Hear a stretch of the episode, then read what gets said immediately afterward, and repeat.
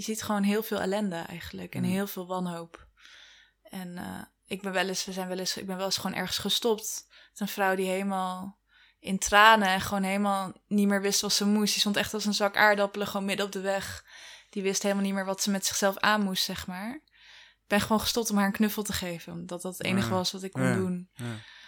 Dat, dat soort momenten blijven wel bij.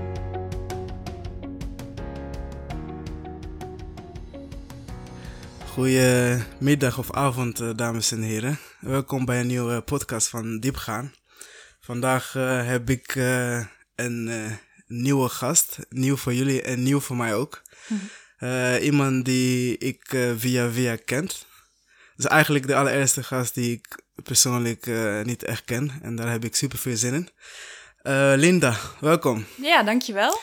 Eh, hoe ik jou ken, je bent zeg maar sowieso de vriendin van een hele goede vriend van mij, Vincent. Ja. Die zijn, eh, eh, hoe lang hebben jullie een relatie?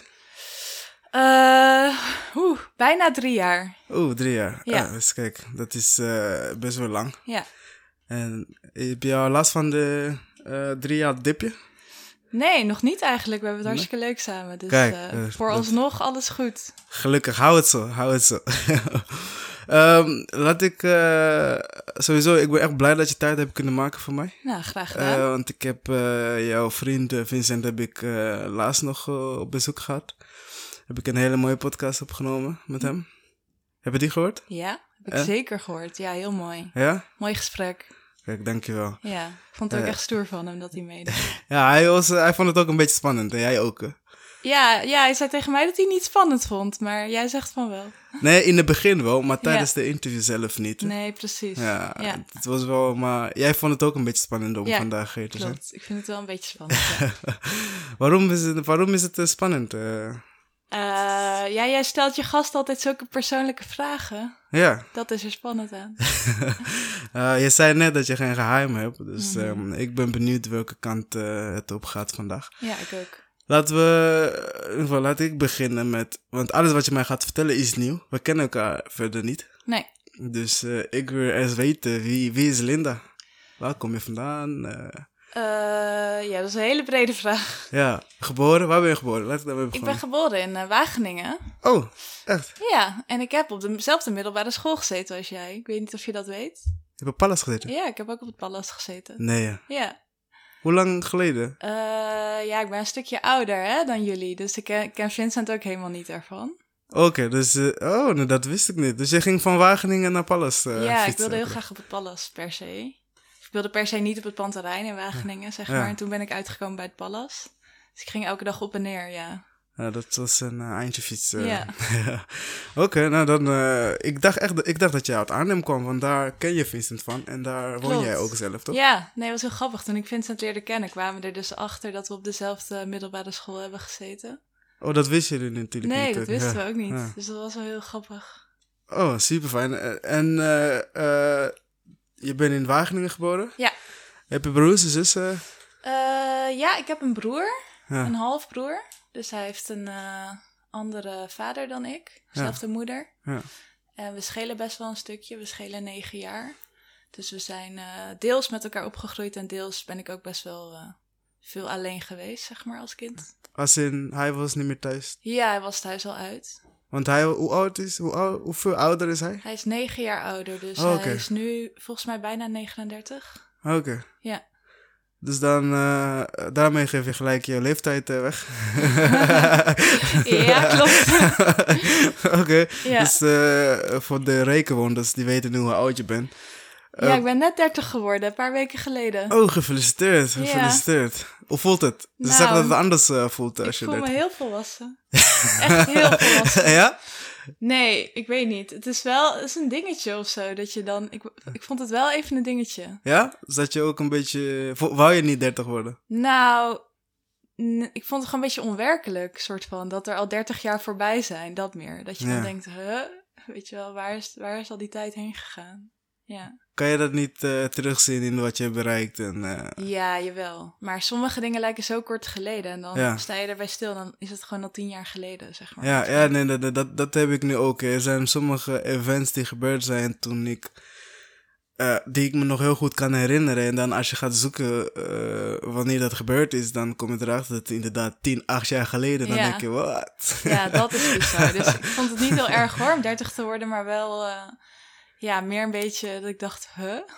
Ben ik al 30? Zeg maar, Ja. hoe kan dat nou? ik, Ja. zou het ook, ik zou het ook niet zeggen. Ik dacht dat je 28, 27 was. Oh, nou, thanks. Ja, ik, ik weet niet of dat een compliment is. ja, vind ik wel. Ja? Oké, dan mag je deze in je zak stoppen.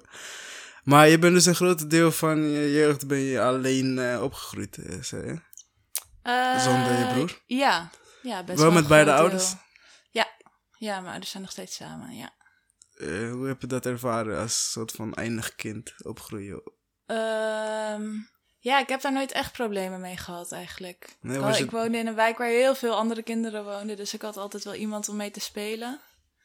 Dus ik weet alleen nog van op vakantie gaan dat ik het dan lastig vond, omdat ik dan zeg maar nieuwe vriendjes moest maken. Ja. Dat vond ik dan altijd wel spannend. Gingen jullie dan eh de campingvakanties? Ja, Met de caravan naar... nee, met de tent altijd. Met de tent? Echt Hollandse tentvakanties, ja. Met je ouders? Ja. Frank of gewoon in Nederland ook? Altijd in Nederland, ja. Je zijn één keer of zo naar Frankrijk geweest. Dat was dan echt al heel exotisch.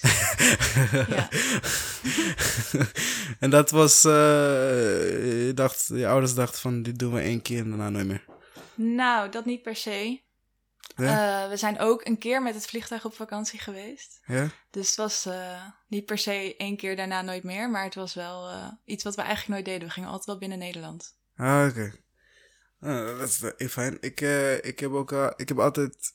Ik heb vier jaar in Frankrijk gewerkt. op ja, een camping. je, ja.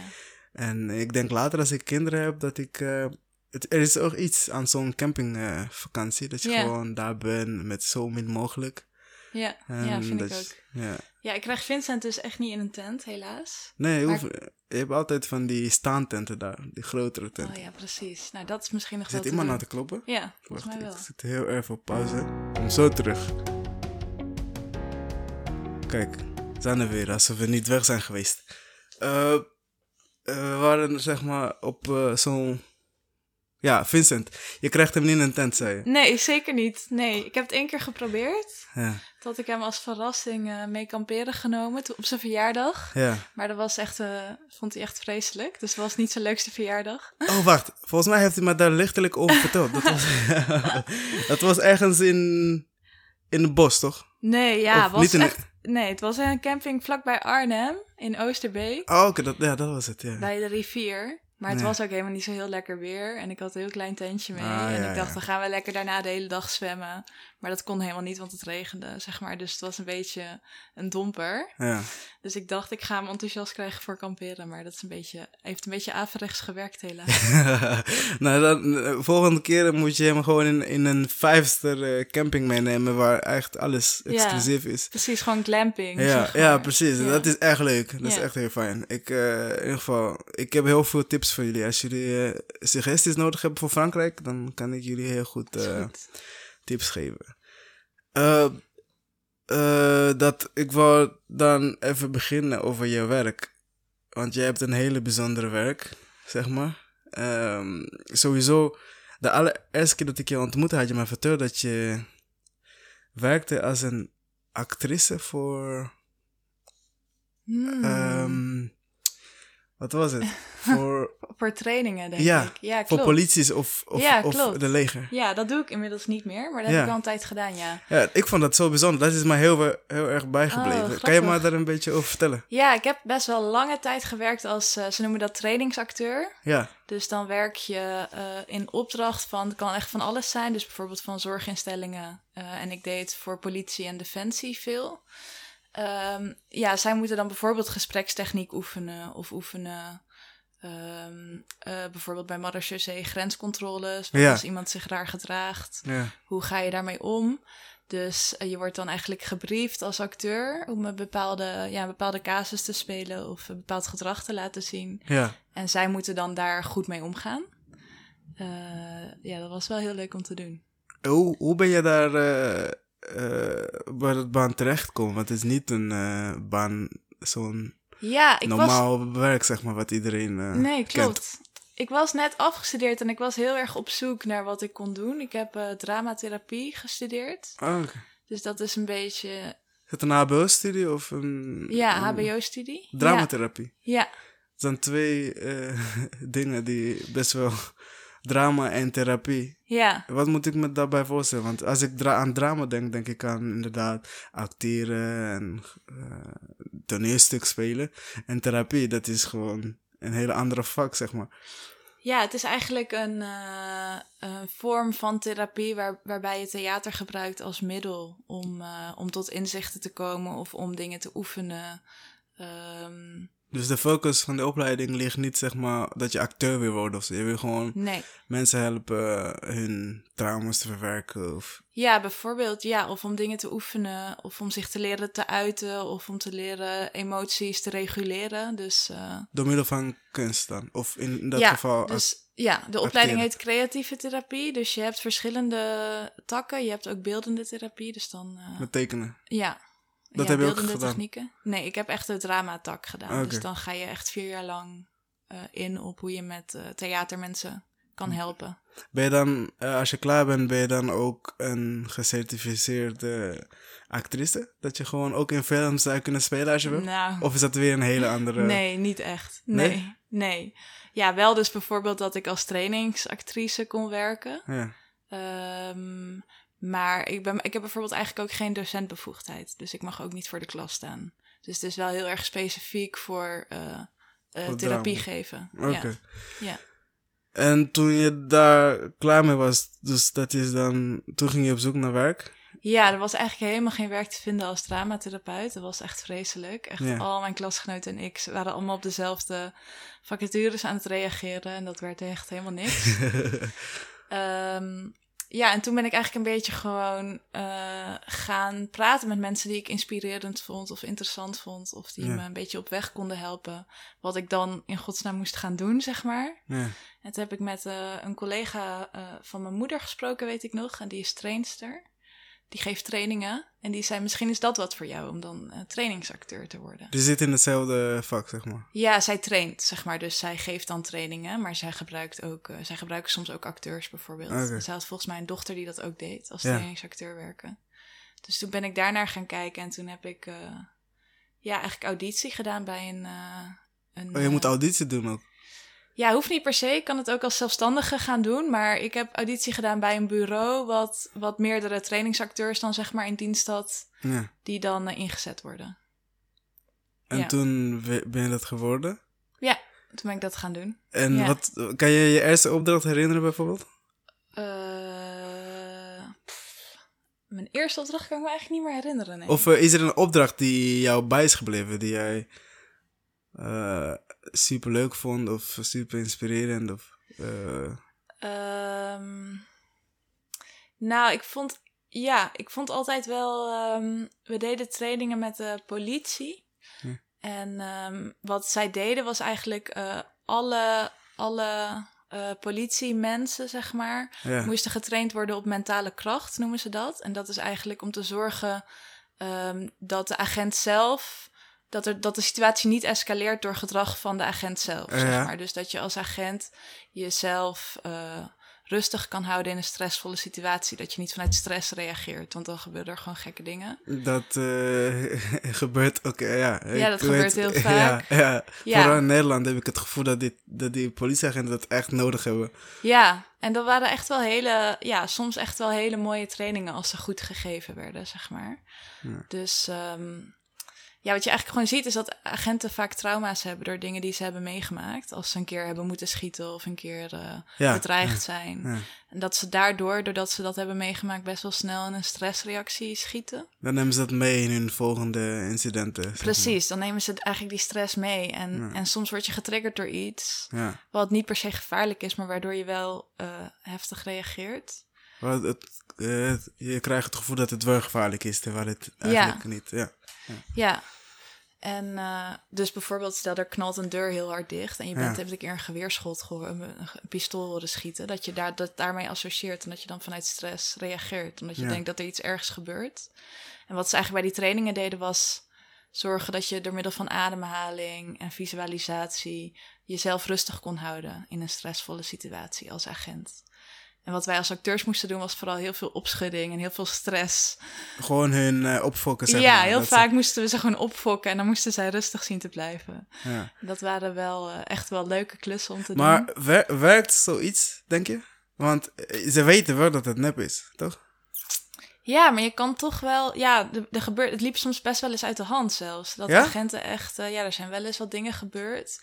Dat een acteur gewoon echt naar de grond werd gewerkt door een agent. Omdat hij gewoon echt schrok of echt... eh, Ja, want eh, ja, ik- weet niet. eh, zijn er ook soms dat ze zeg maar de si- situaties zeg maar in ieder geval zo goed nabootsen door de agenten bijvoorbeeld niet te laten weten dat het acteurs zijn. Ja, bijvoorbeeld ook. Ja, Ja? ja? heel vaak werd niet gezegd dat wij kwamen. Oké, dan, dan, dan, dan, dan, Ja. dan weten de agenten dus niet dat het nep is. Nee, precies. En, en bijvoorbeeld wat we wel eens moesten doen was dat zij moesten een parcours rijden in een auto. Ja, eh, geblinddoekt. Dus ze zagen niet waar ze heen moesten. Iemand anders gaf instructies. En dan zat ik op de achterbank gewoon helemaal voor chaos te zorgen en paniek, zeg maar. ja? Dus de hele tijd, nee, niet doen, stop, stop. Ja.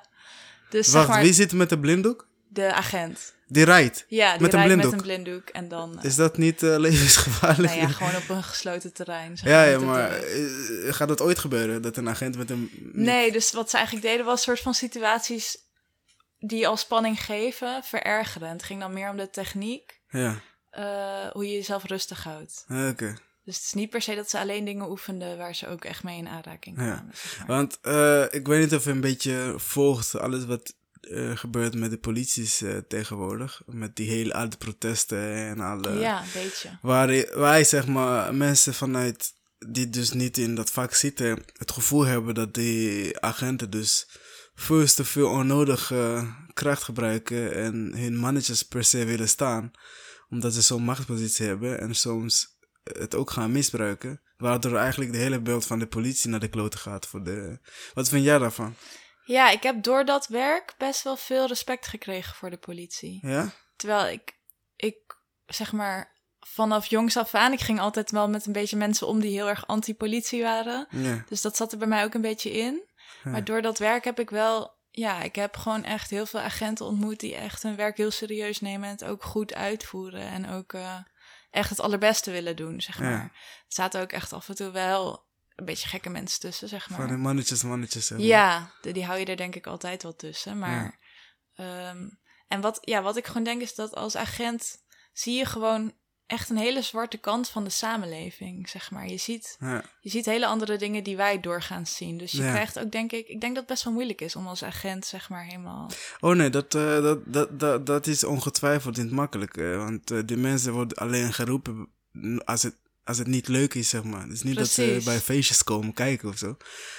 En ik, maar daarom denk ik dus dat juist dat soort trainingen die jij dan eh, met je organisatie, dat dat echt heel erg belangrijk is en kan zijn om dat soort mensen dus voor te bereiden. En heel vaak hebben wij het gevoel dat dat dus in Nederland niet genoeg wordt gedaan. Nee, ik. ik. denk, en ik, die training die wij gaven, of waarbij ik hielp als acteur, eh, dat was er maar eentje, zeg Ja. maar. Die, die moest dan elke agent wel verplicht één keer doen, maar dat was het dan ook. Ja, En ik vond niet altijd dat die training even goed gegeven werd. Ja. Het werd ook niet altijd serieus genomen door de agenten. Dus ik denk dat daar echt wel veel meer nog te winnen valt. ja, dus dat er eigenlijk meer nodig is, eh, zeg maar. Ja, ik eh, denk gewoon heel vaak dat. Ik denk dat het echt heel belangrijk is. Er zijn heel vaak conflicten te verhelpen of op te lossen Ja. op een, op een hele vredige manier, zeg maar. Ja, zonder nou, en, geweld. En vooral eh, bij als zo'n iemand met een, zo'n eh, machtspositie komt bij een conflict, dan verwacht je dat het diegene zichzelf gewoon kan beheersen. Maar als hij ook of zij komt met een attitude, dan wordt de situatie alleen maar erger. Ja, ja, zeker. Ja, je wil, je wil ook eigenlijk als de politie bijkomt dat je, dan, dat je je dan veilig voelt, zeg maar. Ja, ja, precies. Ja. En ik, heb, eh, ik, bedoel, ik, ik, heb niet, ik ben niet heel vaak met de politie in contact gekomen, maar heel vaak eh, heb ik liever niet dat de politie in de buurt is als er iets gebeurt, snap je? Ja. Ja, snap ik. Ja. ja, ik snap het wel. En ik vind ook wel hoor. Ik vind de toon ook wel heel vaak negatief Ja, van agenten als ze je aanspreken. Het is Ja. zeg maar, heel vaak kan je niet eens een normaal gesprek voeren, weet je. Nee. Want ze hebben alleen als je een normale vraag stelt, hebben, je het gevoel, hebben zij het gevoel dat je hun aanvalt of dat je hun in, in twijfel brengt voor hun werk. Maar goed, dat, ja. Hoe lang heb je dat werk gedaan? Eh, ik denk iets van vier jaar of zo. En toen ben je op zoek gegaan naar wat anders? Ja, ik, eh, het was best wel vaak hetzelfde. Dus ik, ik werkte heel vaak bij dezelfde trainingen. Ah, oké. En eh, op een gegeven moment, ik, het is wel echt heel leuk werk, maar op een gegeven moment raakte ik daar een beetje op uitgekeken, zeg maar. Dat ik best wel vaak hetzelfde aan het doen was. Ja. Dus op een gegeven moment ben ik ermee gestopt, ja. Je was vaak dezelfde schreeuwende meisje achter in de ja, auto. precies. Zelf hysterisch erbij. Zo, Ja. dan gaan we weer. Ga ik weer lopen schreeuwen. Precies, ja. Ja, en toen, ehm, eh, want jij hebt zeg maar, dat is iets wat je echt, ik, ik heb gekeken, een hele mooie organisatie heb jij opgericht alleen. Niet alleen. Of nou, in, in ieder geval, jij hebt dat Ja. mede opgericht. Klopt. Ehm, ja, kan jij daar zelf een beetje mee vertellen hoe het zeg maar, in ieder geval, laten we beginnen, hoe ben je daarop gekomen? Waarom vond je het nodig? Eh, ja, ik ben. eh, eh, ik heb afstudeeronderzoek gedaan bij Stichting De Vrolijkheid. Ik weet niet of jij dat wat zegt. Nee. Dat is een stichting die maakt kunst met vluchtelingkinderen. Die Ja. werken op Nederlandse AZC's. En die zorgen eigenlijk dat ja, op heel veel van de AZC's in Nederland... dat daar kunstactiviteiten zijn. Dus eh, Ja. kunstworkshops. En dat kan van alles zijn. Eh, en ik heb daar eh, in samenwerking met de Vrolijkheid afgestudeerd. En daar... Met, de- met die organisatie. Ja, Ja. ja, en het was echt een heel mooi afstudeeronderzoek. Dat is na jouw, zeg maar, jouw afstudeerjaar van je dramatherapieopleiding. Oké. Ja. En eh, toen ik afgestudeerd was, toen dacht ik eigenlijk, ja, ik wil daar iets mee met dat onderzoek. Ja. Dat, dat lag soort van op de plank en ik had eh, ehm, ja, eigenlijk een soort van product ontwikkeld. Heel theoretisch, maar ik had het nooit ge- uitgetest. En ik ben toen eh, bij de Vrolijkheid zowel vrijwilliger geworden, dus vrijwilligerswerk gaan doen, als af en toe mocht ik workshops geven, theaterworkshops. En ehm, daar bij heb ik... bij AZC's. het? ja, bij het ACC in Arnhem. Of bij één AZC. toen. Bij één AZC, ja. Ja. En ehm, eigenlijk ben ik toen met dat wat ik had ontwikkeld voor mijn afstuderen, ben ik dat gaan uittesten daar een beetje. Heb ik voorstellingen gemaakt voor en met kinderen. Ja. En dat was echt super leuk. Maar het was niet heel professioneel. Er speelden gewoon andere vrijwilligers speelden in de voorstelling die niet per se theaterervaring hadden. ja. En die ik gewoon had ingezet om eh, mee te doen. Om te helpen. Ja, en uiteindelijk hadden ze daar gezegd bij dat ASTC, eh, de mensen van de vrolijkheid, die zeiden van, eh, dit is hartstikke tof, kan je dit niet op grotere schaal doen? Dat je er mensen bij haalt die, die ook iets met theater doen, of die daar ervaring in hebben. En dat we dit gewoon een jaar of twee jaar lang gaan doen. Dat jullie gewoon een voorstelling maken die hier altijd eh, kan komen. Want het was, eh, het AZC in Arnhem is een pollocatie. Ja. Dat betekent dat, dat kinderen daar heel kort zijn. Die zijn daar meestal maar een maand. En dan Oké, dan gaan ze door naar de volgende. gaan ze of door of, of ze moeten terug. Naar, Ah, zeg ja, maar, ja, dat dus, heb je natuurlijk ook, ja. ja, dat is heel schrijnend. ja. Ehm, dus zij starten daar hun proces op. En dan is het zeg maar de vraag wat er daarna gaat gebeuren. Best wel een hele stressvolle plek ook. Omdat je dus, je komt, je komt net aan en je weet helemaal niet waar je aan toe bent. Nee, En misschien moet je wel terug. ja. Dus ja, het was heel mooi om daar iets, zeg maar iets vrolijks te kunnen doen. En ik heb toen ehm, Maar dan, eh, toen je ze al terugvroeg met mensen die dus iets meer professioneel waren, dat is niet meer op, op vrijwillig basis dan, denk ik, toch? Nee, we kregen daar wel wat voor, ja. ja dus we hebben, en we hebben ook samen met de Vrolijkheid daar subsidie voor aangevraagd, voor dat project. Dus ik heb daar een paar mensen bij gezocht. Ja. En toen hebben we best wel, hebben we misschien wel een paar maanden over gedaan. Dan hebben we echt een, voor, een goede voorstelling gemaakt, zeg Ja. maar. Hebben we ons ook laten regisseren. Echt heel lang over nagedacht. En, ehm, en die voorstelling hebben we daar een jaar lang gespeeld. Elke maand kwamen we daar en er waren dus steeds andere kinderen. Ja. Ehm, ja, en mooi aan die voorstelling was, wat we heel graag wilden, was niet dat wij alleen daar iets kwamen doen en dat die kinderen naar ons kwamen kijken, zeg maar. Ja. Heel passief is dat eigenlijk, dat wilden we niet. Dus we waren heel erg op zoek naar hoe kunnen we nou die voorstelling zo maken dat kinderen daar een bijdrage aan leveren. Dat ze meedoen, zeg Dat ze meedoen, ja. Ja. Want het zijn allemaal kinderen die wij niet kennen, eh, waar je niet iets mee kan maken. Je kan Ja. niet samen een voorstelling maken, want een maand later zijn ze weer weg. Ja. Dus dat was ook een beetje de opdracht, zeg maar, van hoe kan je dan zorgen dat ze eh, participeren, zeg maar. Dus wat we hebben gedaan is samen met een kunstenares hebben we workshops gegeven waarbij eh, de decors gemaakt werden. Dus die werden gemaakt door kinderen. En eh, de kostuums werden ook gemaakt door kinderen.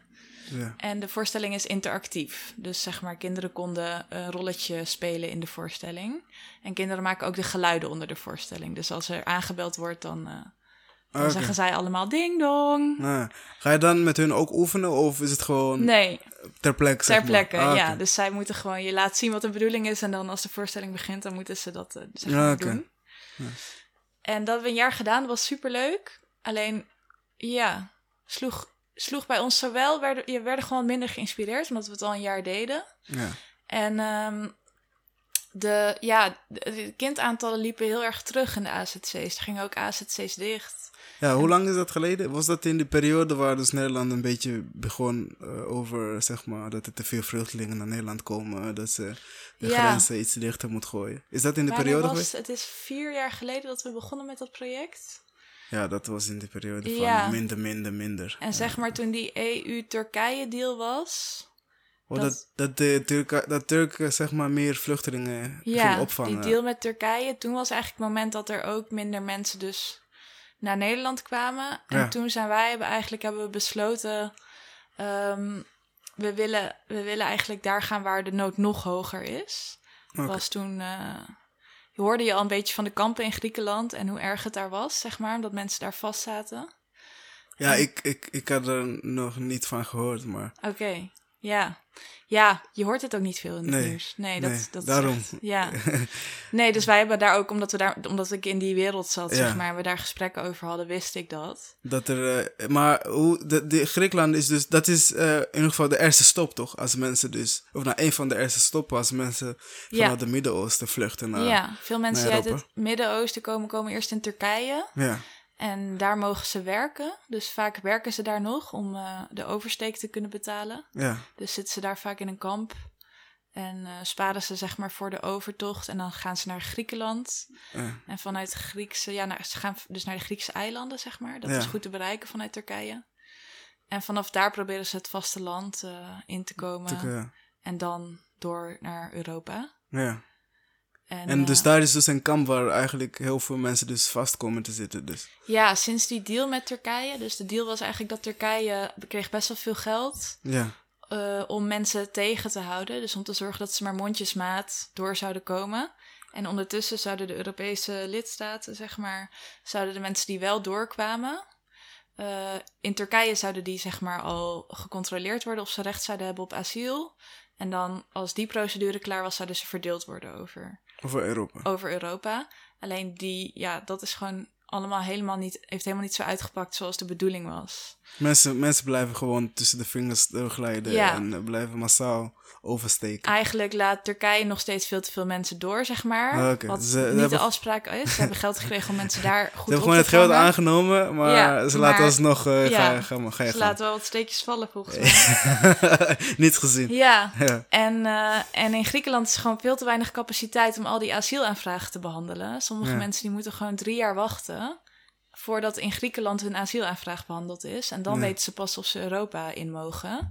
Maar eh, ja, ik ben echt een dummy wat die betreft. Hè. Ik weet hier heel weinig van. Die mensen die in Griekenland asiel vragen, ze vragen asiel in Griekenland voor andere landen in Europa. Waarom vragen ze niet voor, eh, voor Griekenland zelf? Ja, ik weet eigenlijk ook niet precies hoe dat zit. Volgens mij moet Griekenland gewoon controleren of mensen rechtmatige vluchteling zijn. Dus Ja? ze vragen niet per se asiel aan in Griekenland, maar Griekenland moet wel controleren van moet je terug naar Turkije of, Of mag niet. je zeg maar Europa in. Ja, Dat is het meer. oké. En dat proces gaat heel langzaam. Waardoor er heel veel mensen nu eh, vastzitten op die eilanden. Ja, en daar kwam je dus achter? Ja. ja, we hadden heel veel gesprekken over wat, wat is de toekomst van het project. Willen we hier altijd mee doorgaan op het AZC, zeg maar? Eh, of gaan we ermee stoppen misschien? Ja, En toen eh, riep één iemand, we moeten gewoon naar Griekenland. ja. En wij lachten dat een beetje weg. Wij dachten, ja, haha. Dat moet Zeg maar, hoe dan? Ja, Ja. Maar hij zei, denk ik, meen het serieus, we moeten daar echt naartoe. hij wist waarschijnlijk eh, wel iets meer van de situatie daar. Ja, hij wist er wel iets meer vanaf, ja. En, en we zijn eigenlijk met elkaar gaan praten om dat echt te gaan doen. Want jullie waren een groep die dus, eh, jullie deden dit zeg maar één keer per maand, toch? Want Ja. jullie hadden allemaal gewoon normale banen daarnaast. Ja, ja. En dit kwamen jullie bij elkaar één keer per maand om dit te doen. En dan op een gegeven moment is dat verzadigd. Dan gingen jullie verder kijken. En Ja. toen kwam hij met Griekenland. Ja, ja. En toen? Klopt. Eh, en toen zijn we een crowdfundingsactie begonnen. Nog voordat we eigenlijk wisten hoe we dan precies daar iets zouden kunnen doen, zijn Ja. we gewoon geld in gaan zamelen. Want we dachten, oké, we gaan het gewoon doen. Gewoon op internet. eh, Ja, ja. En eh, we hadden dan iets, volgens mij wilden we 3000 euro of zo inzamelen om daar dan vliegtickets, verblijf en dan eh, materiaal, zeg maar, voor de Ja. workshops en zo. En dat was gelukt. En ondertussen had, ehm, hadden we contact met eh, een stichting die daar actief is, op Lesbos. En die zeiden, nou, jullie kunnen wel onder onze vlag eh, je ding komen doen hier. Nederlandse stichting. ah, oké. En eh, dus toen gingen we, zeg maar. Het ging eigenlijk best wel heel erg soepel allemaal. Ja, jullie gingen met dezelfde voorstelling, denk ik. Die, die, Ja, dus we gingen eigenlijk met hetzelfde concept. Want, ja, oké, want die, die mensen daar... eh, is, het is een Engels concept, denk ik, toch? Want ik wou het zeggen, die mensen daar spreken geen Nederlands, maar die mensen Nee. hier ook niet. de kinderen hier ook Nee, niet. nee, het is zonder taal. Dus het is een oké. voorstelling zonder taal. Oh ja, ik, ik heb toevallig dat filmpje gezien, eh, die... eh, het was, eh, hoe heet het? Creatingmemories.org, toch? Nee, Changing Stories. Changing Story. Hoe kom ik aan Creating Memories? dat, ik heb de site gekeken en de filmpje die je stuurde. Het is echt, echt heel leuk. Je ziet zeg maar, je bezorgt de kinderen wel een moment van, ja, voor een groot deel krijgen de kinderen niet mee wat om hen heen gebeurt. Maar het is toch wel mooi als je een soort van een grimlach op zo'n kindsgezicht kan zetten. Dat hij gewoon... eh, Ja. Ik denk dat dat jullie ook jullie doel was, toch? Ik wil Ja. het niet voor jou invullen, maar wa- waarom, was dat, waarom eh, voelde jij je geroepen om dat te gaan doen, bijvoorbeeld? Eh, nou, ik, ja, ik, ik werkte dus al best lang met vluchtelingen. Ja, Ook, eh, ook toen ik wat jonger was al, zeg maar. En ik, het grijpt mij gewoon heel erg aan. Dat, dat eh, mensen alles zijn kwijtgeraakt eigenlijk. ja, En dan, ja, wat ik dan het ergste vond, is dat ze dan ook nog eens niet goed ontvangen worden. En ik voel me daar, ik vind dat heel erg kwalijk dat, dat, dat dit gebeurt. En vooral dat het ook binnen Europese grenzen gebeurt. Dan denk ik, dit is, dit is toch niet Europa, zeg maar. Ik sta hier totaal niet achter. Ik- waar sta je niet achter precies? Dat mensen hier niet zo eh, vriendelijk worden opgenomen of... Ja, dat, dat mensen hier niet goed worden opgevangen. Mensen die uit oorlogssituaties komen. Dat die in zulke, ja, slechte omstandigheden, zeg maar, eh, opgevangen worden. Want eh, er zijn wel mensen die wel goed worden opgevangen. Eh, eh, ik bedoel, eh, die... Kijk, de situatie met Syrië en zo, daar, daarvoor een en ander over te zeggen. Maar Mhm. er zijn heel veel mensen die dan roepen van... Ja, maar wij nemen al zoveel jaren, hebben we al zoveel vluchtelingen toegelaten en dit en dat. eh, we laten ons land, ons land wordt overgenomen. Je weet wel toch, mensen Ja. dat soort dingen schreeuwen. Wat, wat, wat vind jij daarvan, zeg maar? Vind je dat een terechte iets? Want je, ik heb het, want ik ben ook een vluchteling, hoe je dat ook wil noemen. Ik ben ook vanuit een oorlogsgebied gevlucht naar Nederland. Als ik soms, ik heb wel eens een moment gehad dat ik even bij stilstaat van wat als ik, eh, als het tegenovergestelde was, dat ik in mijn land zat en ik zie steeds allemaal eh, witte mensen of Arabieren mensen die, die dan in het land binnenkomen en hier mogen blijven. En dan het gevoel krijgen dat ze, eh, of nou in ieder geval, de maatschappij ingaan en dan dingen proberen te veranderen en zo. Dan denk ik, ja, soms kan ik wel de frustratie snappen. Mhm. Ik, nog steeds, ik, ik vind het niet goed. Iedereen is gewoon welkom, maar ik snap dat. Hoe, hoe, hoe, zit- hoe, hoe kijk jij daarnaar, zeg maar, als Nederlander? Nou, ik, ik, ik vind eh, sowieso gaat het eigenlijk, als je kijkt naar de mensen die nu in Griekenland vastzitten, als we die allemaal zouden verdelen eh, over heel Europa, als Ja. iedereen een percentage opneemt, dan heb je het echt over hele kleine aantallen Ja, van mensen die eh, naar Nederland zouden komen. Ik zeg ook niet dat wij in Nederland iedereen moeten binnenlaten, zeg maar. Ja. Want dat kan gewoon niet. We kunnen niet iedereen opvangen. Ja. Dus dat zeg ik ook niet. Ik zeg dat we dat, we dat moeten verdelen. En ik snap ook dat, we, dat je goed moet kijken naar de redenen en de motieven dat iemand hier komt. Ja. Maar ik vind niet dat je iemand die vlucht voor oorlog terug kan sturen of de deur kan wijzen. Ja. En wat ik ook heel kwalijk vind hieraan is dat, dat Griekenland, wat een land is met al best wel financiële problemen, dat die nu Ja. alles op zijn bordje Alle, ja, krijgt. precies. Ja, dat, dat eh, vind ik ook een beetje sneu. Want je hebt, je hebt vooral landen waar die mensen niet kunnen komen. Die Scandinavische landen. Dat zijn echt gigantische landen. Ja, Super groot. Die hebben ook gewoon de meeste geld ook nog eens. Maar die doen niet mee aan die Europese deals nee, dat zijn daar vaak de landen die zeggen, wij doen niet mee. Nee. Ja. Om even de situatie in Griekenland te schetsen. Want eh, nogmaals, eh, ik heb daar toevallig laatst toen jij mij ehm, jouw site stuurde, heb ik er een beetje naar gegoogeld. En ik ging een beetje de statistieken bekijken van de omstandigheden waar mensen in leven. Eh, eh, wat was het nou? Er was iets van een camping waar, van nou, een camping waar zeg maar, zoals ze zeggen, waar mensen, capaciteit van duizend mensen, daar zit dan iets van 30.000 man. Of zoiets. ja, Kamp Moria, waar wij vaak komen, zeg maar, die heeft capaciteit voor 3000 mensen. Ja. En er zitten er volgens mij nu 20.000. ik weet niet zeg maar, hoe het nu is, maar de laatste keer dat ik er was, waren er 20.000. Dan moet je beseffen hoeveel, eh, hoeveel mensen dat zijn. Ja. Dat is echt enorm. Dat is, eh, als je voor 3000 mensen wc's, douches, eten hebt, Ja. maar er zitten 20.000 mensen die dat allemaal met elkaar moeten delen, dan moet je even voor jezelf bedenken wat voor ziektes, wat voor eh, dingen daar allemaal rondlopen. Ja, ja daar, daar zitten gewoon allemaal ratten. En, Ja, eh, want toen jij daar ging, ging, bleef je dan op de camping zelf, zeg maar? Sliep je daar of sliep je buiten de... nee, ik sliep niet in het kamp. Ehm, wij sliepen zelf gewoon in een Airbnb, zeg maar. Ja. Vlak buiten het dorp waar het kamp is. Voel dat niet een beetje dubbel? Ja, ja, is heel gek. Ja, ja, maar het is ook echt niet, eh, zeg maar... Ja, je kan daar wel slapen, maar het is niet echt... Nee, nee, nee, ik zou het ook niet doen. Maar Nee. ik, ik, ik- maar ik kan Kijk, me het zou voorstellen wel dat- kunnen. Ja, Ja. best wel veel mensen hebben dat ook gevraagd. Van Ja. waarom slaap je dan niet daar? Of, eh, ja. Maar het is, het is gewoon heel heftig in zo'n kamp. En wij willen ook... eh, eh, sowieso zou het denk ik ook niet mogen van de organisatie waar we mee samenwerken. Maar je hebt ook gewoon je energie nodig. Je wil elkaar knallen om die kinderen Ja, plezier te ja, brengen. dus ja, we wilden ja. wel gewoon een beetje een goed bed en een warme douche, zeg Ja, maar. Eh, maar het voelde wel echt eh, af en toe heel gek. Dat je dan naar huis gaat en dan kan jij lekker warm douchen. En eh, een lekker bed inkruipen. En ja. En dan kom je de volgende dag en dan verwacht je dezelfde energie van de kinderen ja. die jij hebt. Ja. Dat, dat- ik kan me voorstellen dat het een beetje dubbel voelt.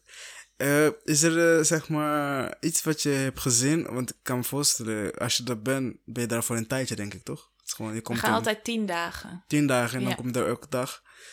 Eh, zijn er dingen die je hebt gezien of die je hebt meegemaakt waarvan je, die jou dan bijvoorbeeld een andere kijk hebben gegeven op de hele situatie? Ja, ja, zoveel. Ja, ik, ik heb echt zoveel gezien daar. Je ziet, je ziet altijd, je ziet gewoon heel veel ellende eigenlijk. En Mm. heel veel wanhoop. En eh, ik ben wel eens, we zijn wel eens, ik ben wel eens gewoon ergens gestopt. Met een vrouw die helemaal in tranen en gewoon helemaal niet meer wist wat ze moest. Die stond echt als een zak aardappelen gewoon midden op de weg. Die wist helemaal niet meer wat ze met zichzelf aan moest, zeg maar.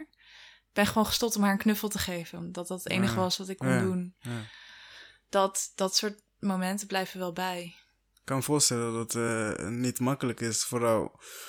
eh, je, je komt daar met het idee, ik wil jullie helpen, maar je weet dat je binnen tien dagen weg bent. En ja, eh, welke impact heb je dan gehad, Ja, zeg maar? En terwijl je eigenlijk vanuit je hart wil je echt alles doen voor de mensen. ja je Maar kan je niet kan maar alles zoveel, doen. ja. Nee. Nee, het is ergens wel fijn dat we er zo kort zijn. Dat betekent echt dat we met heel veel energie, zeg maar, heel veel kunnen doen. Ja. Dat is ook een beetje de kracht van wat we doen. Dat het Ja. echt een pop-up eh, iets is. Ja. Ehm, het is ook wel, het is gewoon heel lastig om weer naar huis te gaan. Ik heb vaak nog wel een maand eh, last ervan, zeg maar. Ongeveer, dat ik gewoon echt een maand lang nog... eh, Is het dan, eh, eh, waar heb je dan precies last van? Is het een soort van schuldgevoel of onmacht? Ja, onmacht. Ja. Ja, zolang je daar bent, zeg maar, zolang ik daar aan het werk ben, heb ik daar geen last van, omdat ik dan gewoon iets doe, zeg Ja, maar. Ja. En, En dan, kan je, dan ben je ook gewoon de hele tijd sta je aan en ben je bezig. En Ja. ben je een gekke clown aan het uithangen, zeg Ja. maar. En het is vooral de onmacht. Als ik dan weer thuis ben, dat ik dan, dan zit ik thuis. En dan ga ik weer naar mijn werk of dan ga ik weer mijn ding doen. Hm. En dan denk ik, ja, maar ik had ook daar kunnen zijn, zeg maar. Ja, en mensen ja. kunnen helpen die het echt heel erg nodig hebben. Ja, Dus het wat, is een beetje... wat, mij, wat mij het lastigste lijkt aan de situatie is, je bent daar zeg maar tien dagen, je ziet zeg maar tien dagen lang, zie je de kindjes grimlachen, je ziet al die blije gezichtjes en je ziet al die ellende om hen heen. En daarna, elf dagen later zit je in je eigen bed, dan heb jij jezelf als het ware uit de situatie gehaald, dan ga je jezelf super schuldig voelen. Dan denk waarom mag ik dit? En waarom kunnen de kinderen Ja. dat niet? We zijn één keer teruggekomen vlak voor... Wat was volgens mij Sinterklaas? Ja, Dat ik even een cadeautje moest halen in de stad. En dat echt iedereen daar zich plat aan het winkelen was. Met allemaal speelgoed. Oh, en, ja, ja, eh, ja. dat is echt... eh, Tegenovergestelde precies van Ja, waar je vandaan komt. ja. Hoe voelt dat? Eh, Heb je het gevoel dat je die mensen weer slaan van waar zeuren jullie om? Ja, als je dan een huilend kind in de supermarkt ziet staan omdat hij een snoepje wil of zo, dan denk je echt, oh, je moet het weten. Maar hoeveel geluk je hebt, ja. ja. Ja, Ik kan me voorstellen dat het, eh, dat het emotioneel zwaar is als je jezelf constant in die situatie brengt, zeg maar. Want die tien dagen zijn best wel intensief. Ik denk dat zonder die groep waar je mee bent, weet ik, denk je dat je dat alleen zou kunnen? Nee, we hebben elkaar echt nodig. Ja. Ja, ja. Dus het is best wel een heel erg emotionele geladen tien dagen. Ja, we zijn ook echt, eh, je groeit ook heel erg naar elkaar toe met de mensen met wie je bent. We zijn Ja. echt allemaal heel, we zijn een heel hecht team, zeg maar. Die tien dagen lang, je kan echt eh, Ja. helemaal op elkaar aan, zeg maar, dat moet ook. Ja. En zijn er mensen die dan eh, af en toe binnen je groep die het dan emotioneel zwaarder hebben dan anderen? Want ik kan me voorstellen dat er best wel emotionele momenten zijn geweest waar jullie aan het huilen, zeg maar. En, Mhm, eh, ja. ja, iedereen gaat er anders mee om. Zeg maar, Hoe ga jij daarmee om? Ja, ik heb wel echt. eh, de laatste keer dat we er waren, heb ik echt één dag gehad dat ik alleen maar moest huilen, zeg maar. Terwijl ik daar was al. Wat ik al zei, meestal heb ik het niet terwijl ik daar ben en komt het pas als ik terug ben. Dus eh, dat is wel een standaard iets wat terugkomt gewoon. Dat je, je gaat het uiten, je gaat huilen op een of andere manier. Ja, was toen de eer, het was zeg maar echt de eerste dag dat we in het kamp waren en eh, we gingen toen eh, eh, een workshop geven op een open plekje waar kinderen al aan het spelen waren, zeg maar. We dachten, oh, dat is wel een goed plekje. Ja. En ik weet niet meer wat het was, maar ik was in poep gaan staan. Dus mijn hele schoen zat helemaal onder de poep. Ehm, maar het was gewoon mensenpoep natuurlijk, want er zijn Ja. helemaal geen wc's daar, zeg maar, op dat plekje. En die kinderen speelden daar gewoon allemaal tussen. Die waren, zeg maar, Ah. dat is gewoon hun speelplek. Dat was en een toilet en een, en een speelplek voor kinderen. En ik vond dat zo erg. Ja, nee, dat, Dat is ik- ondenkbaar voor Ja. iemand hier. Ja, Ik, ik kan er bijna... Ik, ik zit er al zo van te kijken terwijl ik eigenlijk uit Burundi kom, waar ik ook wel dingen heb gezien. Maar Mhm. nog steeds, ik heb het niet meegemaakt dat, ehm, dat eh, tien mensen zo op elkaars lippen eh, wonen, als het ware. Ja. Ja, dat is het vooral. En ook dat gevoel van... Ja, dat, de omstandigheden zijn gewoon ook heel slecht. En daar komt Ja. ook nog eens al die onzekerheid bij. En het gevoel dat opgesloten te zitten. Ja. Eh, eh, wat, nou, wat, wat ik altijd zeg tegen mensen die inderdaad zo'n kortzichtig gezicht hebben op vluchtelingen. Zo van, ja, waarom kom je mijn land binnen? Van, ga lekker werken of ga terug in je eigen land, dat soort dingen. Ik zeg altijd tegen die mensen van, je moet je voorstellen wat er in je leven moet gebeuren. Dat, je, dat jou doen besluiten om jouw huis, jouw familie, jouw vrienden, iedereen die je kent achter te laten. Om ergens heen te gaan waar je niemand kent. Ja. Waar je niet weet of je daar komt. Waar je niet weet of je daar überhaupt een leven kan opbouwen. Maar toch wel dat dat je enige optie is. Dan moet je je Ja. voorstellen, wat moet in je leven gebeuren dat je zo desperate bent om dat te doen. En dat is iets onmogelijk voor iemand die nooit in die situatie is geweest. ja, zeker. Ik, zeg, ik leg altijd die- die situatie vanuit mijn ouders. Ehm, mijn ouders hebben in eh, het grootste deel van hun leven in Afrika gewoond. En die hebben ook oorlogen meegemaakt. En op een gegeven moment hebben ze hun hele leven opgebouwd. Voor ons als kinderen is het makkelijk. We kunnen hier nog een leven opbouwen als we hier jong komen. Maar Mhm. zij hebben alles al gedaan. En ze laten alles achter. Echt letterlijk alles. Wie ze zijn, hun titels, hun studies. Ze gaan gewoon gokken. Van oké, ik hier is niks, ik ga daarheen. En dat is iets wat je niet kan uitleggen aan iemand die dat nooit die keuze heeft moeten maken. En dat is best moeilijk. Ja. Ja. En dan moet je beseffen dat zo'n iemand dan nog uh, uit zo'n ellendige situatie komt en dan terechtkomt in nog een ellendiger situatie. Ja, nog, nog eigenlijk misschien minstens net zo erg in ieder geval. Er zijn al mensen die. Uh, er zijn ook professionals die zeg maar zeggen: als je al een week in dat kamp zou moeten wonen, dan, heb je, dan word je al getraumatiseerd, zeg maar. Het is gewoon. Het is echt heel heftig. Ja, en er zijn mensen daar jaren dus zijn. En er zijn mensen die zijn, zitten daar al twee, drie jaar, moet je nagaan. Die zijn al getraumatiseerd door de oorlog die ze hebben meegemaakt. En die komen daar. Ja.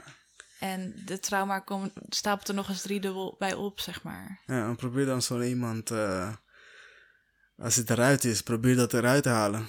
Ja.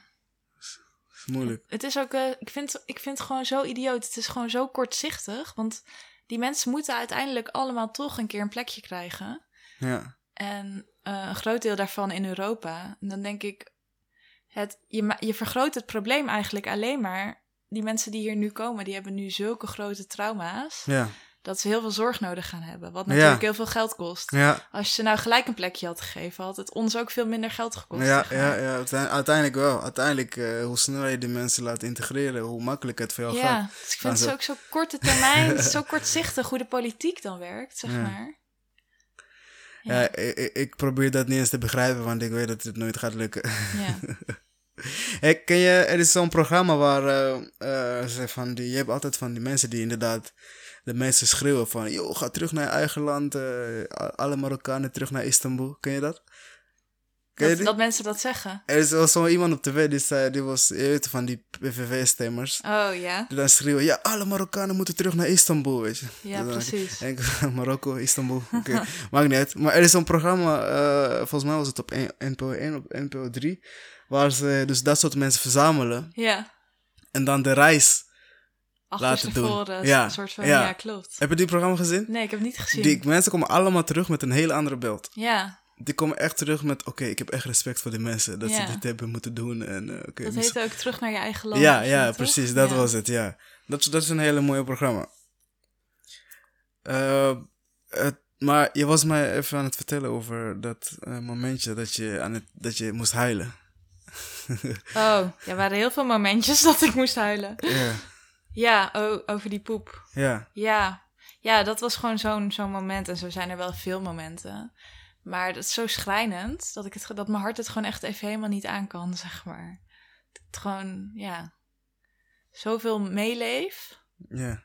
Met, uh, ja, denk je, zou je hier maar opgroeien, zeg maar. En met de dan, kids. Ja. Maar wat is de grootste, wat heeft het grootste impact gehad op jou, zeg maar, uit de hele... Want hoe vaak heb je het gedaan? Uh, ik denk dat ik nu vijf keer geweest ben. Vijf keer, ja. ja. Wat heeft het grootste impact gehad Mm. Voor jou als persoon dan? Ja. Wat heeft jouw visie doen veranderen? Als uh, goh, ik vind het wel een hele moeilijke vraag. Ja, ja, ik heb zoveel gezien dat ik het heel moeilijk vind om één ding te noemen wat de grootste impact heeft gehad. Ja, is er bijvoorbeeld iets wat je um, anders bent gaan zien of uh, meer bent gaan waarderen uh, sinds dat je er bent geweest? Mm. Nee, dat, zou ik, dat had ik wel verwacht, maar dat is niet per se gebeurd ben me meer eerder schuldig gaan voelen. Dan dat ik hier meer dingen ben gaan waarderen, zeg maar. Ja? Ja.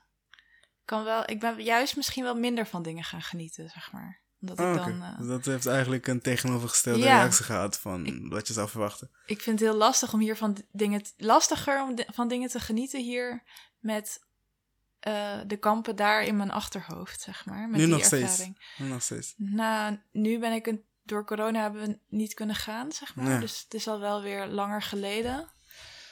Uh, dus dan zakt het wel een beetje weg. Maar uh, ik ben er niet. Ik ben er. Ja, ik had het de laatste keer met Vincent over. En die zei echt van. Uh, je, bent, je bent niet gelukkiger geworden, zeg maar. Je bent minder Ja. gelukkig sinds je dat bent gaan doen.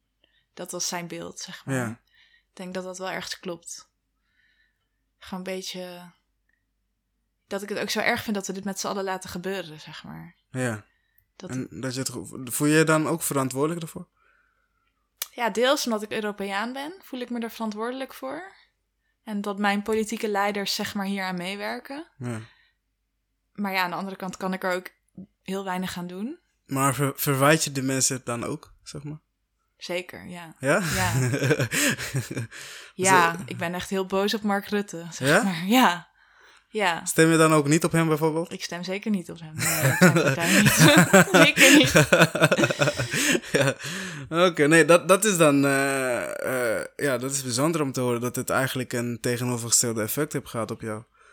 Dat je Ja. de dingen die je hebt gezien daar hier juist minder bent gaan genieten. Je, dat is niet het effect dat je wil hebben. Nee, je zou denken dat je misschien inderdaad meer dankbaar wordt voor wat jij dan hebt. Dat zo. is, eh, dat is in ieder geval de effect die je altijd, eh, als je van die, ja, dat, dat is ook weer een andere discussie. Je hebt altijd van die mensen die een tussenjaar nemen en dan eh, ergens in Afrika of zo en Mhm. goede doelen iets gaan doen. Mhm.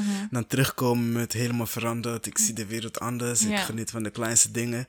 Eh, daar kan je ook heel veel van- vinden. Maar die hebben dan precies die effect die ze verwachten. Zeg maar. Want zij gaan daar met het idee, oké, ik probeer mezelf te vinden. Ik wil iets terug doen. En dan komen ze terug met helemaal... Nou, ik, dat is, ik denk dat het een beetje de twee kanten op werkt. Want ik zie wel veel meer de waarde van wat ik hier heb, zeg maar. Ja, Dus dingen zijn wel waardevoller geworden. ja. Maar ik kan er tegelijkertijd minder van genieten. Dus Heb je dan het beetje- gevoel dat je het niet verdient? Eh, nou, niet dat ik het niet verdien, maar dat het gewoon toeval is, zeg maar. Het Dat is is, gewoon ja, toeval dat ik hier geboren ben. ja, En iemand anders ergens anders. ja. Maar dat zou dan toch... eh, dat zou dan toch een reden zijn om jezelf minder schuldig te voelen, bijvoorbeeld. Ja, misschien wel. Ja, ja, ik weet ook niet echt of het schuldgevoel is, maar gewoon... Ja, ik weet niet zo goed wat het dan is. Heb je daar eh, heel erg veel last van gehad, bijvoorbeeld? Dat je dan echt nachten niet kan slapen? Of dat je gewoon heel erg lang in je hoofd zit daarover? Of kan je dat makkelijk loslaten? Ja, zeg maar altijd wel, wat ik al zei, maand na, nog Ja. nadat we geweest zijn, dat ik er veel mee bezig ben, ja. Ja, en ook als ik dan, ik kan altijd heel goed slapen, dus dat is heel fijn. Maar wel dat ik dan droom over al die gezichtjes van al die ja, ja, kindjes. ja, en ja, ja, ja. Het blijft wel heel erg nog lang nasudderen, zeg maar, zo'n ervaring. Hoe lang wil je dat nog doen? Voor altijd. Oh, je wilt zo Nee, ja, tuurlijk, ik wil gewoon, ik wil dat het niet meer nodig is. ja, Ik wil dat die kampen allemaal dichtgaan. ja, Maar tegelijkertijd, we hebben het er wel eens over gehad, wat we dan met de stichting gaan doen als eh, al die kampen dicht zijn. ja. Ja, er zijn overal kinderen die, eh, zeg maar, overal ter wereld zijn er nog kinderen die het slecht hebben, die, waar- Die die we dan zouden ja. kunnen helpen. Dus, Maar ook eh, niet alleen per se kinderen die het slecht hebben, maar die glimlach kan je ook aan kinderen geven die het goed hebben, toch? Zeker, ja. Ja. Ja, is ook zo. Dus er is altijd werk in Er wat is jij altijd werk. Glimlachen is altijd gezond. ja, precies. Iedereen heeft een glimlach nodig hier Ja. en dan. Klopt. Ehm, eh, ja, ik denk dat je. Ja, het is heel mooi werk wat je doet. Hè? En ik hoop dat je het sowieso voor een hele lange tijd blijft doen. Is er nog iets wat je daarover kwijt zou willen? Dat weet ik niet zo goed. Eh, Want eh, wat is jullie site? Ook weer gewoon even voor de mensen dat ze dat kunnen opzoeken. ja, dat is goed dat je dat zegt. Even Ja. reclame maken. Ja. Eh, we heten Changing Stories. En Ja. onze website is changingstoriesfoundation.org. Oh, Oké. Changingstoryfoundation.org. Ja. En daar staat dus eh, filmpjes, uitleg over wat jullie doen. Ja, we zijn een beetje aan de website aan het sleutelen nog. Dus Ja. hij wordt nog wat... eh, Want jullie hebben ook een Instagram, neem ik aan. We hebben ook Instagram, ja. Het is Oh. ook Changing Stories Foundation. Changing Story Foundation. Ja. Ja, we posten wel regelmatig wat op Instagram. Ja, dus je kan daar inderdaad eh, foto's en filmpjes zien van wat we doen. Ja. Ja. Ik, zei, ik zei net tegen jou op de app, als er meer mensen waren zoals jij op deze wereld, dan was deze wereld een stuk eh, aangenamer om in te wonen. er waren wat minder egoïstische mensen op de wereld, want het, het gaat, soms gaat het echt nergens meer over. Ja, je- al denk ik wel dat iedereen altijd wel goede bedoelingen heeft. Misschien. Ja, maar in de, eh, eh, nou, van, in de westerse wereld hier waar wij in leven, is het toch wel, draait alles om ik, zeg maar, en mijn mensen. Ja. Dus eh, zolang ik en mijn mensen gelukkig zijn, boeit het mij niet wat hier buiten gebeurt. Ja. En heel veel mensen, echt heel veel mensen in Nederland leven op die manier. Ja. Klopt. Ja, een soort van eigen zekerheid en veiligheid. Ja, ja. Ja. Het hebben ze plus- en minpunten. Eh, waar ik vandaan kom is het precies tegenovergestelde. Eh, ik kan niet gelukkig zijn als ik weet dat mijn neef of mijn nicht geen eten heeft of eh, geen plek heeft om te slapen. Maar hier is het veel makkelijker. Ja, hier gaan mensen... Ik, ik, ik ken mensen die hun eigen familie niet eens voorbij kunnen lopen, zeg maar. Zo, oh ja, dat, dat, dat is mijn neefje. Ik denk, eh, je zegt niet eens hoi? Zeg, nee, we praten niet. Weet je, dat is voor mij zo gek. ja. Het is heel individualistisch, Ja, hè? ja, ja. klopt. Dus vanuit die opzicht denk ik toch wel. Mensen hebben wel een goede bedoeling, maar eh, meer naar zichzelf dan toe. Ja. Ja, al bijvoorbeeld Nederland is echt het land waar de meeste mensen vrijwilligerswerk doen, volgens mij. Ja. Dus volgens mij zijn er heel veel mensen die wel heel graag iets goeds willen doen. Maar dat is het ook. Kijk, eh, het is heel mooi dat mensen hele goede doelen en dingen gaan doen. Maar ik heb toch wel heel veel, denk 90% van mensen die ik ken, die in goede doelen iets hebben gedaan, hebben toch wel een kleine egocentrische bedoelingen erachter. Omdat ze zichzelf meer beter of willen, of nou, jezelf beter wil voelen of het gevoel van, het is goed hè, het is niet Ja. erg, maar Nee, ik merk dat ook wel. Ik merk ook wel een Ja. soort van. ehm, dat merk ik als ik mensen hierover vertel dat ik dit doe. ja. Dat er soort van, soort van ramptoeristen eh, komen die dan zeggen: Mag ik een keer mee? Ik wil het ook zien hoe het daar is. En dan denk ik. Ja, ik vind het zo raar. Dan Ja. denk ik, waarom, je wil mee omdat je het wil zien, zeg Ja, maar. Alsof het een soort dierentuin is. Ja, dan zo. hebben ze een verhaal om te vertellen bij een verjaardag, weet je wel. En dat, dat vind ik ook zo moeilijk. ja, daar kan ik ook echt niet mee omgaan. Nee, ik vind dat heel echt- moeilijk. Eerst van, ik kon zeg maar eh, ergens goed mee omgaan, zeg, omdat ik, oh, je doet iets goed, is goed, maar eh, dan, ik ging artikels lezen daarover en wat, wat voor dingen echt gebeurt. Hoe, het is best wel een hele grote industrie, die hele, eh, ik weet niet precies hoe ze dat noemen, maar de mensen die dus een tussenjaar of iets nemen en dan iets voor een goed doel gaan doen. Mhm. Dat is een hele business. Ja, De, het zit gewoon echt biljoenen geld dat erom gaat. Je betaalt best wel veel geld aan een van de organisatie. Dan zetten ze jou ergens op een kinderopvang. ja. Draai je daar een paar weken mee. En dan ze, nemen ze je mee in een andere. En daarmee verdienen ze vet veel geld mee. Ja, je maakt daar heel vaak meer schade mee dan, eh, dan goed. dan goed, Precies. Ja. ja. Ja, ja, En dan is het. Ja, ook al is het heel goed dat die mensen natuurlijk wel iets terug doen. Is het toch wel Ja, af je en moet, toe. je moet je ook gewoon verdiepen in, ehm, vind ik. Ja, sowieso, dat, dat moet gewoon. Als je zoiets gaat doen, wat, wat, wat je daar dan... Je kan gewoon, bijvoorbeeld als je met kinderen werkt... Kan ook heel veel schade aanrichten. Heel Ja. veel kinderen hebben een hechtingstoornis. Als je daar op een verkeerde manier mee omgaat... dan eh, maak je hun trauma of hun stoornis zeg maar alleen maar erger. Ja, want je komt daar een paar weken en dan ga je aan zo'n kind hechten en daarna Precies. moet je afscheid nemen. Ja, precies. Als een kind zich aan je gaat hechten en je gaat daarna weer weg... en dat gebeurt honderd keer in een Ja, jaar... ja, ja. of weet ik veel hoe vaak. Dat is, dat is echt helemaal niet goed voor de basis van dat kind. En dat dan heeft kind een kind gaat- een heel ongezonde basis. Ja, die gaat dan eh, voor de rest van zijn leven nooit meer vertrouwen dat iemand blijft, zeg maar. Ja. Ja, dat vind ik dus eh, af en toe wel ook eh, een, een beetje een moeilijk onderwerp. Ja. Ik zou daar een keer iets meer onderzoek naar willen doen, zeg maar, Ja. hoe het in elkaar zit. ja, nou wij zijn er ook heel veel mee bezig. Er werkt iemand bij ons die is, eh, die weet heel veel, die is speltherapeut, die werkt met kinderen met trauma. Ja, Dus die weet heel veel van hoe trauma werkt in het brein en, en trauma werkt in het kinderbrein. ja. En dat is heel fijn dat zij erbij is, want zij kan ons ook... eh, Oh, zij is onderdeel van jullie groep, Ja. zeg maar. Oh, oké, dat is even. Ja, en zij, zij, wij hebben ook echt wel regels wat je wel niet mag doen. Dus nooit kinderen optillen, nooit kinderen knuffelen. Oh, oké. Echt, eh, Oh, dat, dat is heel moeilijk, denk ik. Ja, is heel moeilijk, want kinderen alleen maar aangeraakt en Ja, geknuffeld worden. ja, vooral zulke kinderen Ja. dan. En daar hebben we dan een beetje trucjes voor, van hoe je dat dan, zeg maar, kunt omzeilen. Toch iets liefdevols doen, maar niet Niet knuffelen. eh, dat het kind toch zich gezien weet, zeg maar. Ja. Maar zonder dat je echt fysiek... eh, Wa- wa- eh, wacht, wa- waarom mag je kind niet knuffelen? Nou, ja, hechting. Dus als je echt heel fysiek met een kind bent wat een hechtingstoornis heeft, dat kan best wel ingewikkeld werken. En je gaat daarna weer weg. Je weet gewoon niet zo goed wat je daarmee aanricht. Dus eh, we Dus- proberen dat gewoon niet te doen. Oké. Ja.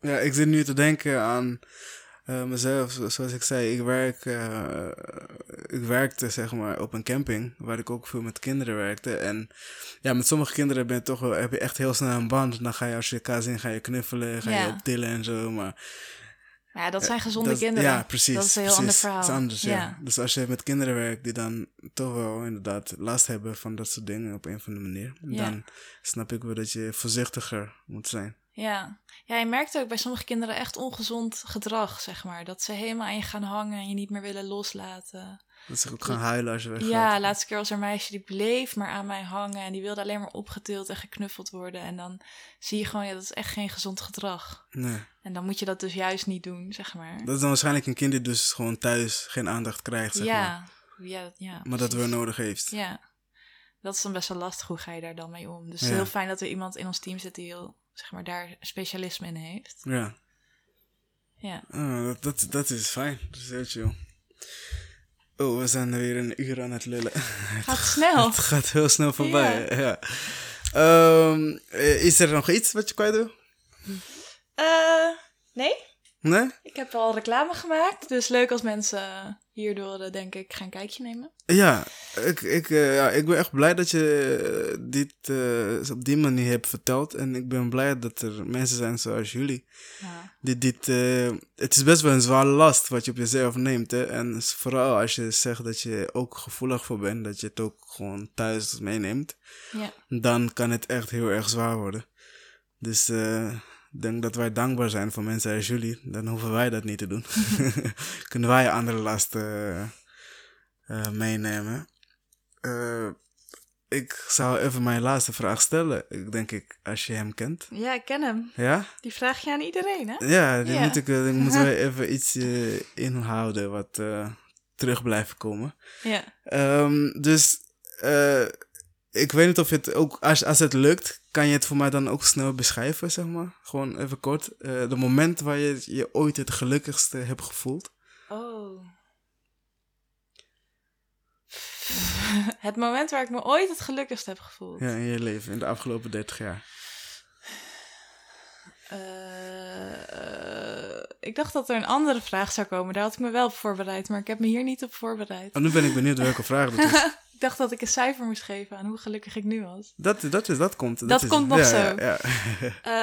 Ehm, ja, ik, eh, ik denk vaak op reis.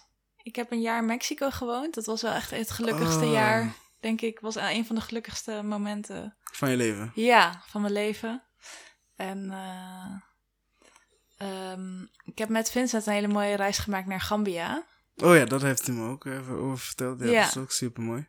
En eh, dat, eh, we hebben daar, dat was echt een hele soort van romantische plek waar we verkering hebben gekregen. We toen op een eilandje met z'n Oh, jullie hadden nog geen relatie inderdaad. Nee.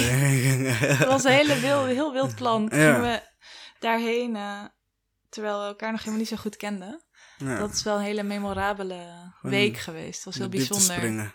Ja, mooi. dat was ook heel fijn, Ja, die week. nou, we dwalen weer af van de vraag, maar dat maakt niet uit. Eh, eh, je hebt een jaar lang in Mexico gewoond. Dat wist ik niet.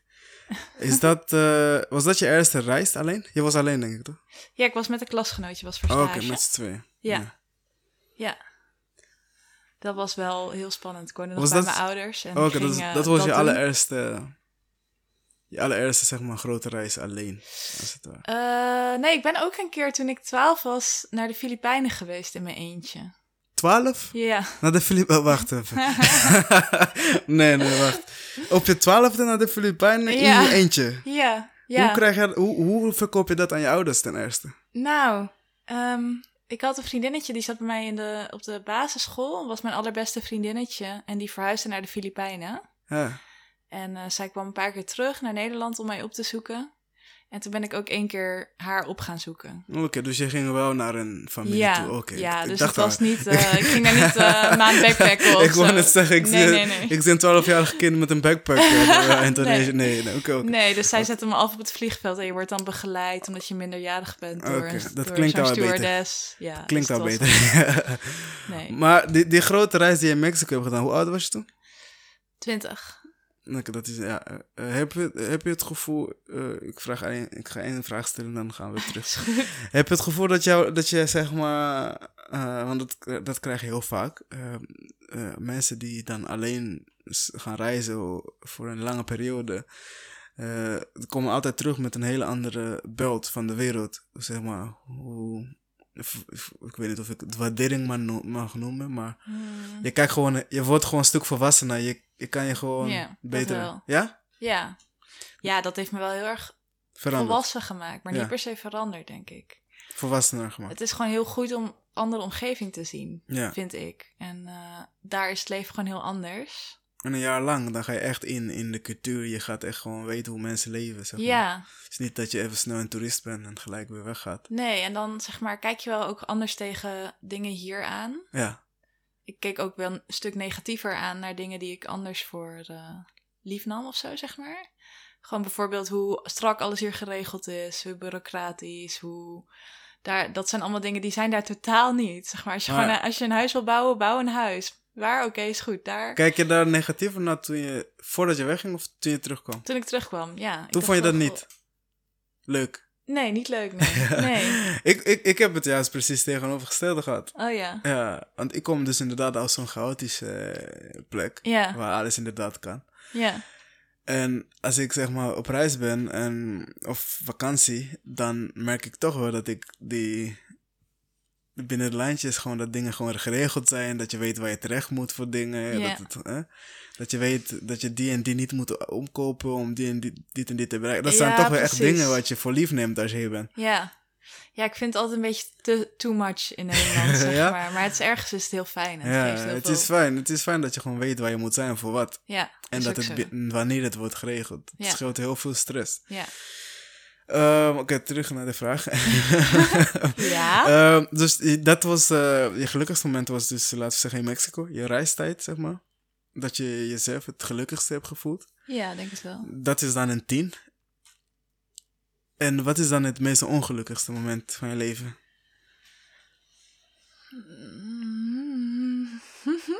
Eh. ja, ik, ik denk. Ja, ik denk gewoon de momenten dat ik terugkwam uit Griekenland, zeg maar. Dat dat wel de momenten waren dat ik, dat ik eh, het ongelukkigst voelde. Dus je voelt je echt diep, diep ongelukkig als je terugkwam. eh. Ja. Ja. Ja. Dus dat is eigenlijk, ehm, eh, ja, ik wil het extern noemen, een extern factor die je ongelukkig maakt. Je hebt niet echt nooit iets in je leven meegemaakt wat je echt jou heel erg diep ongelukkig hebt gemaakt. Persoonlijk dan. Want, Nee. Zelf niet, ge- gelukkig. Oké, Nee. afkloppen. Ja. nou, dat is mooi. Dat is dan, eh, laten we dan, dat, dat is dan een 1. Eh, hoe gelukkig ben jij nu? Eh, acht, denk ik. Dat is mooi. Dat was ook het cijfer van Vincent. Ja. Ja. ja. ik heb er goed over nagedacht. Oh. Hier was ik op voorbereid. je dacht, eh, we gaan het matchen? Of, eh? Nee, dat niet. Nee, maar daardoor ging ik er wel over nadenken. Ja. Hoe zit het dan met mij? Nee, dat is toch dat is een hele mooie getal. Acht. Ja. is eh, ruim voldoende en een ruimte voor verbetering. Ja, zeker. Nou, ja, dat ik ben tevreden. Ja. tevreden is goed. Dat is heel mooi om te horen. En ik hoop dat je dat het blijft en dat het hoger wordt. En dat je dingen blijft doen die je doet. Want zoals ik het zei, mensen zoals jij die maken de wereld iets beter. Eh dankjewel voor je tijd. Graag gedaan. Eh, wil je het afsluiten met een geheimpje? Een geheimpje? Ja, wil je een geheim vertellen wat niemand van jou weet? Oh my god. Dit is de eerste keer dat ik deze gooi, maar dacht, waarom niet? Ah, Ja, je dacht ik heb nog geen geheimen ja, precies. Ja. En ze zei dat ze alles ging Ja, vertellen. ja. Jeetje. Ja, ik heb echt. geen geheimpjes die niemand weet, denk ik. Je moet weten, heel veel mensen halen het eind van de podcast niet. Dus als je nu een geheim vertelt, blijft het waarschijnlijk tussen een paar. Oh, ja, ja, ja. Nou, ik ga geen grote geheimen opbiechten, denk ik. Oh, dus je hebt wel geheimen. Ja, maar die weten dan wel een paar mensen. Maar het nou zeg maar helemaal de wereld in Oké, te slingeren. Nee, nee, nee, ik snap het, ik snap het. Ik ga het uitzetten en dan ga je het aan mij vertellen. Eh dankjewel voor je tijd en eh, het was super gezellig. Ja, vond ik ook. Ja, dankjewel. Joe.